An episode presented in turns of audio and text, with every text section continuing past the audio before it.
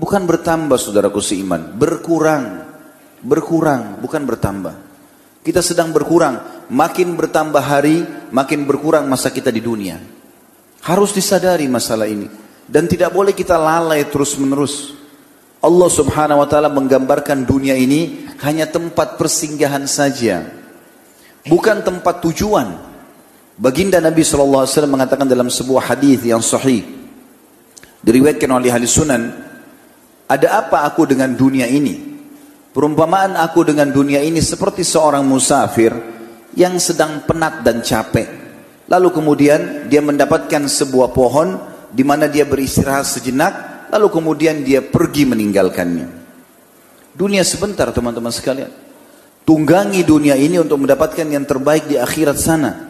Untuk kebaikan yang Islam itu ajarkan itu maslahatnya pasti dominan. Untuk keburukan yang Islam itu larang itu pasti ada mudarat. Nah itu orang muslim harus akui kayak gini. Maka artikel kesehatan ini jadi tidak berpengaruh ketika syariat sudah larang. Taruhlah kalau dia bilang di sini ada ada manfaat, itu manfaatnya cuma satu, mudorot di balik itu banyak sekali. Orang muslim harus akui seperti itu. Sama dengan Homer. Homer itu mudorot. Mau Ustaz ada maslahatnya ini kan kalau di musim dingin kita butuh penghangat sehingga butuh untuk minum kayak gitu. Iya, kamu dapat manfaat satu ini di balik itu mudorotnya masih banyak. Kamu cuma nimbang cuma satu maslahat. Islam tahu mudorotnya pasti lebih banyak daripada maslahat. Maka artikel ini nggak ada pengaruh sama sekali. Apalagi kalau artikel ini dibuat oleh orang kafir yang tidak punya iman sama sekali pada Allah. Itu kaidah untuk memahami syariat kayak gitu.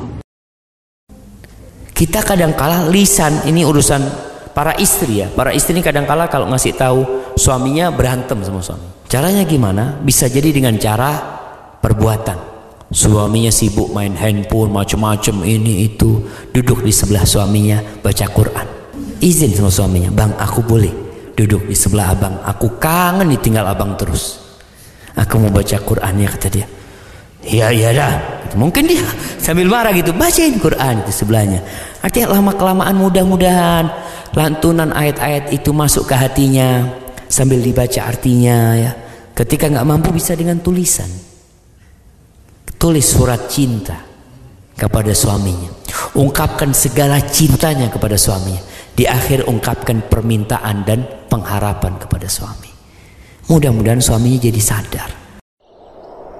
Beberapa renungan dan nasihat kepada orang-orang yang sedang bersedih sungguhnya kehidupan dunia ini berisi dengan ujian.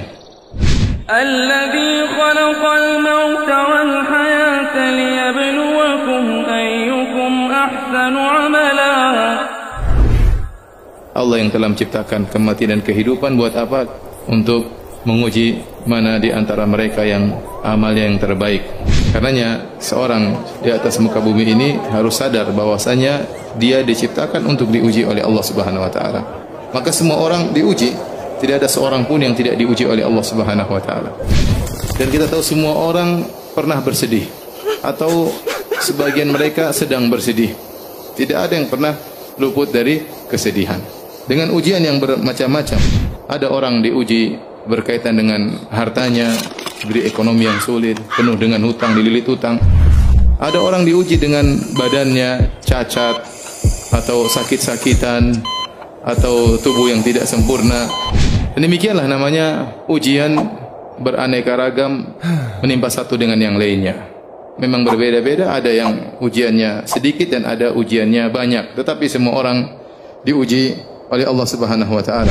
Dan siapa pun orangnya, mau kaya atau miskin pasti diuji ya. Sebagaimana sering saya sampaikan, bukan hanya orang miskin yang diuji, orang kaya, para pejabat, para penguasa, mereka juga diuji, mereka juga bersedih. Betapa sering kita melihat foto seorang pejabat yang mungkin tersenyum dalam foto tersebut. Namun kita lihat senyumannya penuh dengan keterpaksaan. Di balik senyuman tersebut dia menyimpan banyak penderitaan. Oleh karenanya, siapa pun orangnya di dunia ini pasti diuji, pasti diuji. Baik orang yang soleh maupun yang tidak, yang tidak soleh. Terlebih lagi Allah menjanjikan orang-orang yang beriman dengan ujian yang lebih berat. Kata Allah Subhanahu wa taala, Alif Lam Mim hasiban nasu ayyutraku ayyaqulu amanna wa hum la yuftanun. Walaqad fatanna alladhina min qablihim fala ya'lamanna Allahu alladhina sadaqu wa la ya'lamanna al-kadhibin. Kata Allah Subhanahu wa taala Alif Lam Mim. Apakah manusia dibiarkan mereka berkata beriman sementara mereka tidak diuji, sungguh kami telah menguji orang-orang sebelum mereka agar Allah tahu mana yang imannya benar dan mana yang imannya dusta. Apakah kalian menyangka kalian makan, makan masuk surga? Sementara belum datang kepada kalian ujian yang pernah menimpa orang-orang sebelum kalian. Mereka ditimpa dengan penderitaan, dengan kesusahan, digoncang oleh Allah Subhanahu wa taala. Jadi orang yang beriman justru dijanjikan ujian oleh Allah Subhanahu wa taala. Makanya Imam Ahmad ditanya, kapan seorang beristirahat? Kata Imam Ahmad rahimahullah, sampai dia menginjakkan kakinya di surga baru dia apa? Istirahat. Oleh karenanya kita harus sadar bahwasanya dunia ini isinya adalah ujian. Kemudian yang saya perlu ingatkan lagi, jangan berkeluh kesah di medsos. Sebagian orang ada masalah sedikit ganti status. Ada masalah sedikit ganti status di WhatsApp, di grup WhatsApp semua orang lihat. Statusnya ganti, oh lagi diomelin suami, ganti status. Lagi diomelin istri, ganti status. Akhirnya aib keluarganya terbongkar. Dia curhat di medsos. Semua orang lihat, dan ini membuka aib keluarga. Ini menjatuhkan harga martabat suaminya, atau sebaliknya menjaga harga, menjatuhkan harkat dan martabat istrinya. Secara tidak langsung dia menjatuhkan harkat dan martabat dirinya sendiri. Secara tidak langsung seakan-akan dia protes dengan takdir Allah. Dia mengeluhkan Allah kepada masyarakat. Allah takdirkan saya begini. Apa faedahnya dia keluhkan di situ? Apakah ada yang kemudian kirim uang sama dia minta rekeningnya supaya membantu dia? Tidak ada juga. Kalau dia ingin curhat, pilih orang yang terbaik. Wahai orang-orang yang berkutat di dalam maksiat, orang yang berkutat di dalam maksiat. Wala tahsabanna Allah ghafilan amma ya'malu zalimun. Jangan kira Allah itu lalai dan tidak tahu apa yang dilakukan oleh orang-orang yang berbuat zalim. Innama yuakhiruhum liyaumin tashkhatu fihi al-absar. Allah hanya undur. Allah hanya undur saudaraku. Allah hanya undur maksiat Anda untuk nanti dihisap di hari yang tidak ada mungkin lagi penyesalan berguna dan bermanfaat. Innama yuakhiruhum Allah hanya mengundur-ngundur mereka. Liyaumin tashwasu fihil absar kepada hari di mana pandangan akan terbolak-balik. Jangan tunggu hari pembalasan baru Anda menyesal. Sekarang di dunia ini menyesal. Supaya nanti Anda tidak lagi menyesal di akhir. Wahai orang-orang yang berkutat di dalam maksiat. Dari Abu Hurairah radhiyallahu anhu, Nabi Shallallahu alaihi wasallam bersabda, satu dinar yang engkau keluarkan di jalan Allah, lalu satu dinar yang engkau keluarkan untuk memerdekakan budak, lalu satu dinar yang engkau keluarkan untuk satu orang miskin, dibandingkan dengan satu dinar yang engkau nafkahkan untuk keluargamu, maka pahalanya lebih besar dari amalan kebaikan yang disebutkan tadi. Imam Nawawi mengatakan nafkah kepada keluarga itu lebih afdol dari sedekah yang hukumnya sunnah. Sementara Abdul Abbas Ibnu Taimiyah rahimahullah pernah berkata, yang tepat dan lebih benar bahwa nafkah suami pada istri kembali pada kebiasaan masyarakat dan tidak ada besaran tertentu yang ditetapkan oleh syariat. Nafkah itu berbeda sesuai dengan perbedaan tempat, zaman, keadaan suami istri, dan adat yang ada. Lalu bagaimana jika suami tidak memberi nafkah? Hindun binti Utbah bertanya kepada Rasulullah SAW. Ya Rasulullah, sesungguhnya Abu Sufyan adalah seorang suami yang pelit. Dia tidak memberiku dan anak-anak nafkah yang mencukupi, kecuali jika aku mengambil uang tanpa sepengetahuannya. Rasulullah Shallallahu Alaihi Wasallam bersabda, ambillah dari hartanya yang bisa mencukupi kebutuhanmu dan anak-anakmu dengan kadar sepatutnya. Wajib bagi kaum muslimin untuk mencintai Rasulullah Shallallahu Alaihi Wasallam Bahkan bukan hanya cinta. Mencintai beliau melebihi segala sesuatu. Allah Subhanahu wa taala berfirman dalam surat Al-Ahzab, "An-nabiyyu aula bil mu'minina min anfusihim." Nabi lebih diutamakan oleh kaum muslimin daripada diri-diri mereka. Jadi orang muslim lebih mengutamakan Nabi daripada dirinya. Dalam surat Al-Baqarah Allah Subhanahu wa taala berfirman, "Walladzina amanu asyaddu hubban lillah." Orang-orang yang beriman sangat cinta kepada Allah Subhanahu wa taala. Konsekuensinya apa? Konsekuensinya mereka mencintai apa-apa yang Allah cintai. Kalau kita mencintai Allah, ya kita harus mencintai apa-apa yang Allah cintai dan Allah Subhanahu wa taala mencintai nabinya sallallahu alaihi wasallam. Oleh karenanya wajib bagi kita untuk mencintai nabinya sallallahu alaihi wasallam. Rasulullah sallallahu alaihi wasallam bersabda dalam hadis riwayat Bukhari dan Muslim, "La yu'minu ahadukum hatta akuna ahabba ilaihi min walidihi wa waladihi wan nasi ajmain.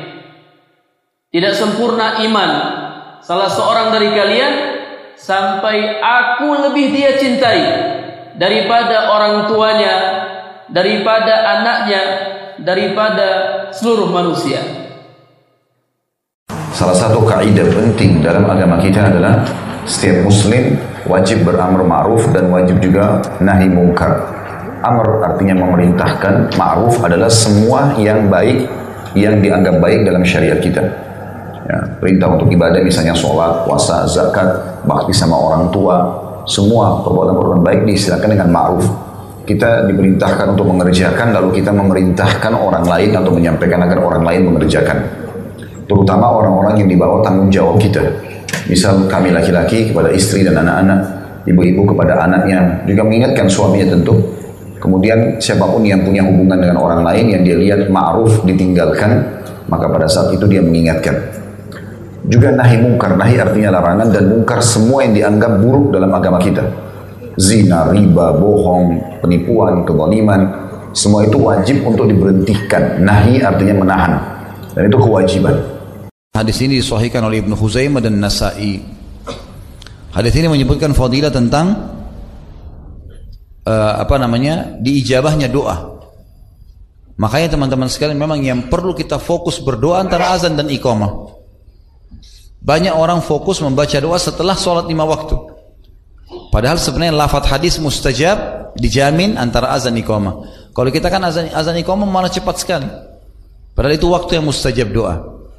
Setelah sholat, bahkan lafadz-lafadz banyak menyebutkan Nabi SAW secara khusus tidak berdoa di habis sholat lima waktu. Beliau kebanyakan habis zikir berdiri menuju ke pintu masjid lalu menunggu para sahabat yang punya hajat untuk menyampaikan kepada beliau sallallahu alaihi wasallam. Tapi antara azan iqamah malah berdoa. Ini yang kita kehilangan nih, mestinya kita lebih banyak berdoa di antara azan iqamah karena mustajab dan kita menjalankan sunnah Nabi SAW setelah sholat lima waktu memang beliau tidak fokus ke masalah doa dan yang fokusnya adalah masalah zikrullah. Karena di hari Jumat ini ada doa yang mustajab. Kapan waktunya? Wallahu a'lam disebutkan ada puluhan pendapat yang menyebutkan kapan waktu mustajab tersebut.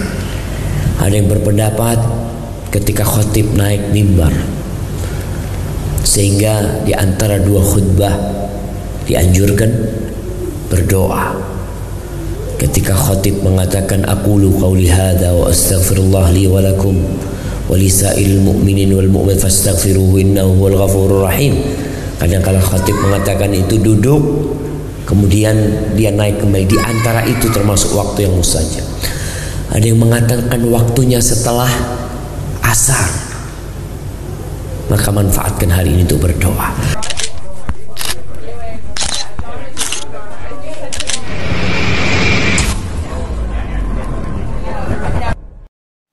Waktu adalah sesuatu yang paling berharga tapi dia sekarang ini menjadi sesuatu yang paling murah di tengah-tengah kita.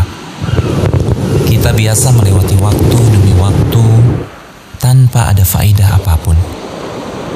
Bahkan kita biasa menghabiskan waktu demi waktu dalam perkara yang mendatangkan mudarat. Dan aku tidak sedang membicarakan satu orang saja. Tapi aku sedang membicarakan kaum muslimin secara umum sekarang ini sangat disayangkan sekali. Mereka dalam keadaan lengah, terlena, dan lupa. Mereka tidak bersungguh-sungguh dalam perkara agama mereka. Kebanyakan mereka dalam keadaan lengah dan bermewah-mewahan.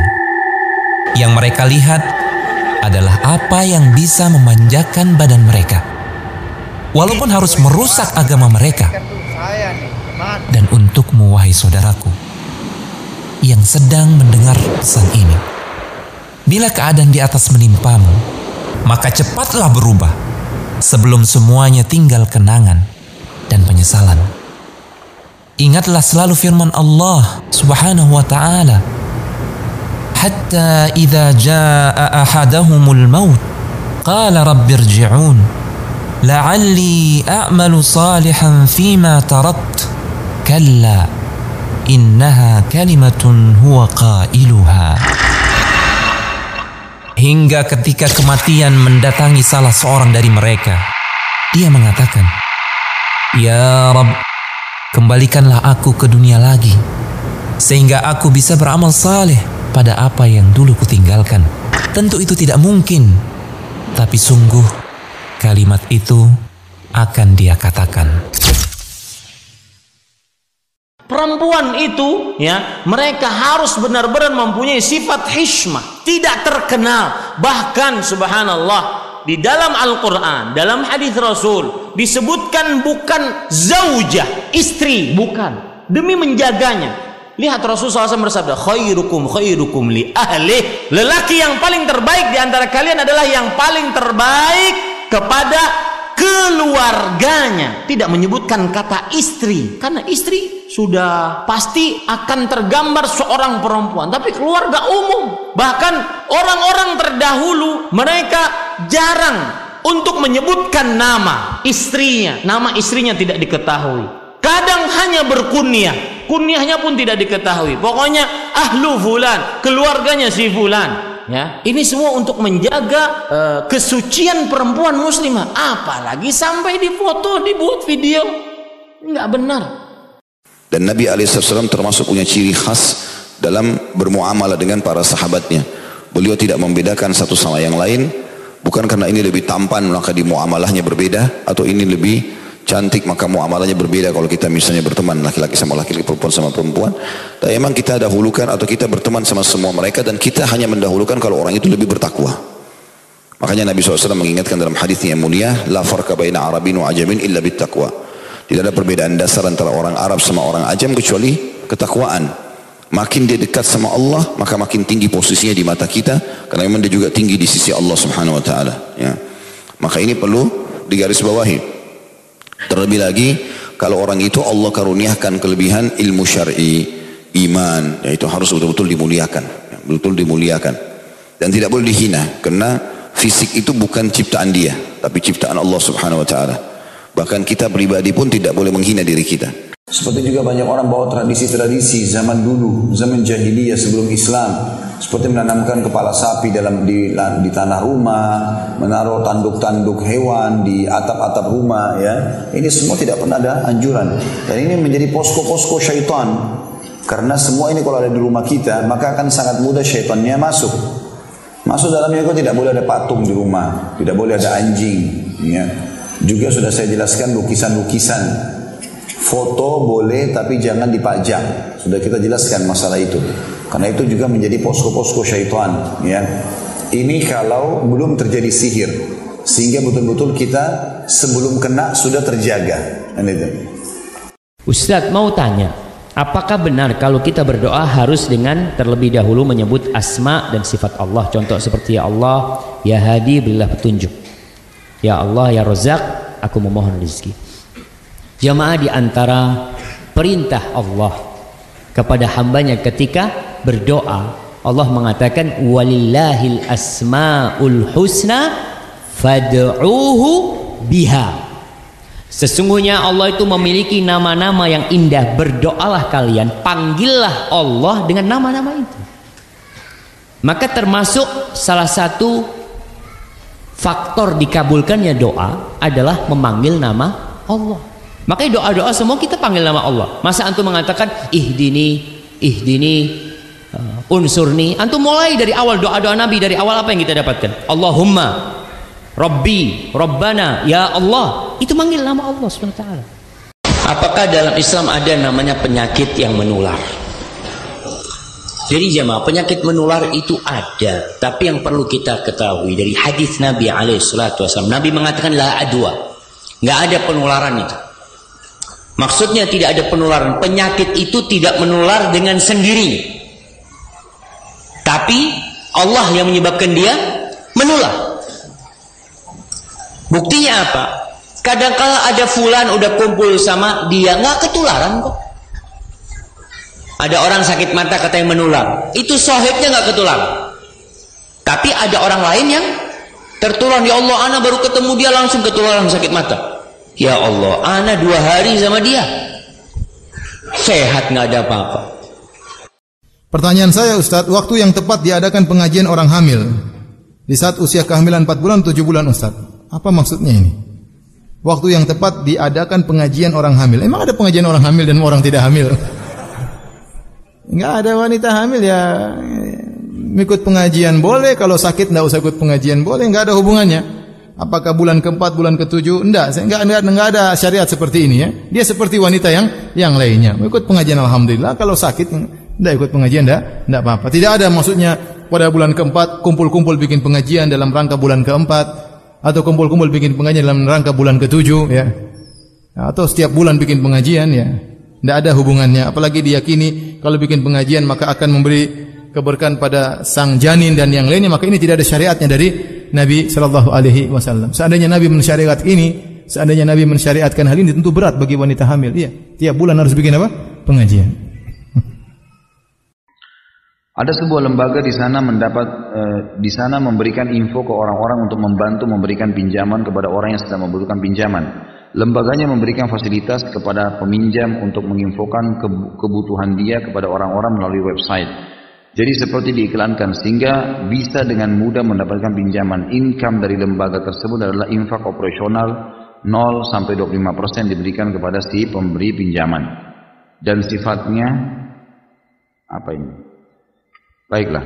Misal si A sama dengan peminjam dan si B pemberi pinjaman. Si A diiklankan oleh lembaga bahwa sedang membutuhkan dana sebesar 10 juta untuk modal dengan batas pengembalian disepakati. Kemudian si B bersedia membantu melalui lembaga dengan memberikan pinjaman 10 juta dan infak ke lembaga misal 10% dari 10 juta. Jadi bisa milih infaknya berapa. Si A akan mengembalikan uang kepada si B sebesar 10 juta. Apakah ada celah riba dan kezaliman? Bagaimana hukum infak yang diterima lembaga? Riba. Riba, nggak boleh. Apa haknya lembaga itu ngambil? Selama utang tidak boleh, nggak bisa. Antum mau membantu, saya sudah pernah bilang, ada dua investasi, ada investasi akhirat. Utang dan gadai tidak boleh bertambah. Tidak bisa.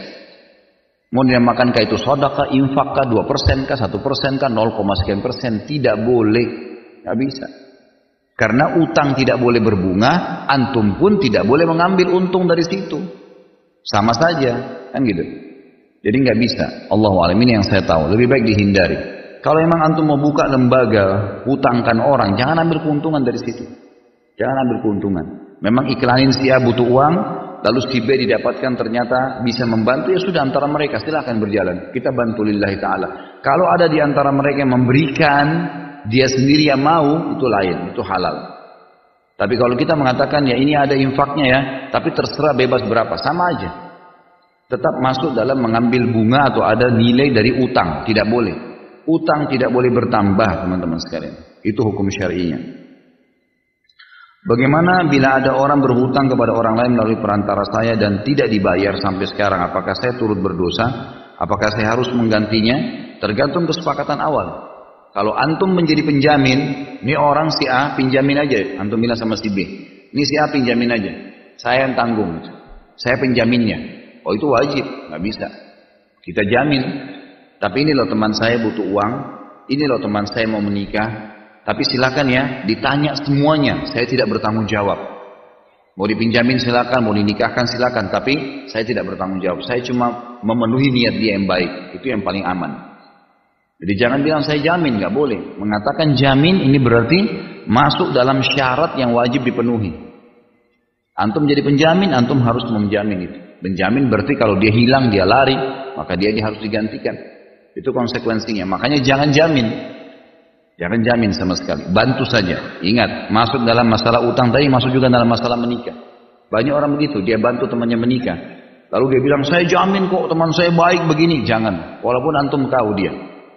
Kalau ditanya, baik nggak orangnya? Tahu saya baik. Tapi dia mau menikah loh ya sama adik kamu. Tanyain baik-baik. Jangan bebankan saya. Saya cuma bantu karena dia niat baik, tapi saya tidak bertanggung jawab. Silakan tanyain. Begitu saja.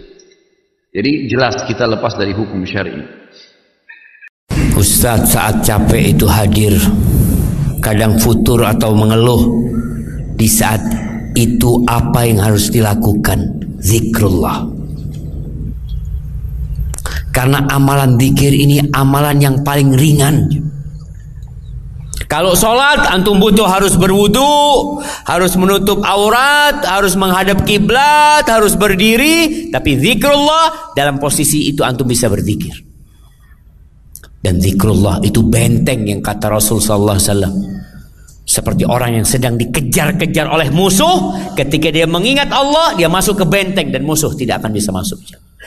Maka ketika antum futur perbanyak zikir, udah zikir terus maka insya Allah akan hilang kelelahan itu jamaah dan Allah akan bangkitkan semangat antum. Karena mengingat Allah itu membuat seorang jadi semangat untuk beramal jamaah. Ustadz bagaimana dengan ambisi jabatan? Karena dengan jabatan bisa memperoleh gaji besar agar bisa pergi haji dan umroh. Masya Allah. Kalau ambisinya haji dan umroh tafadhol tapi jangan sampai setelah dapat jabatan beli motor baru antum. Umrohnya nanti. Nantilah kalau udah beli motor. Antum om bisanya benar-benar akhirat tunjukkan kepada enggak ya Allah. Aku nggak ada urusan apa-apa sama dunia ini. Aduh hanya, hanya ingin berangkat umroh dan haji. Aku udah rindu kami berangkat umroh dan haji. Tapi itu harus dibuktikan jemaah. Ustaz bagaimana memahami konsep tawakul dengan takdir? Apa kontradiksi? Tidak ada kita takdir rahasia, sirrullahil maktum. Takdir rahasia tidak ada yang tahu. Kita nggak tahu takdir kita apa.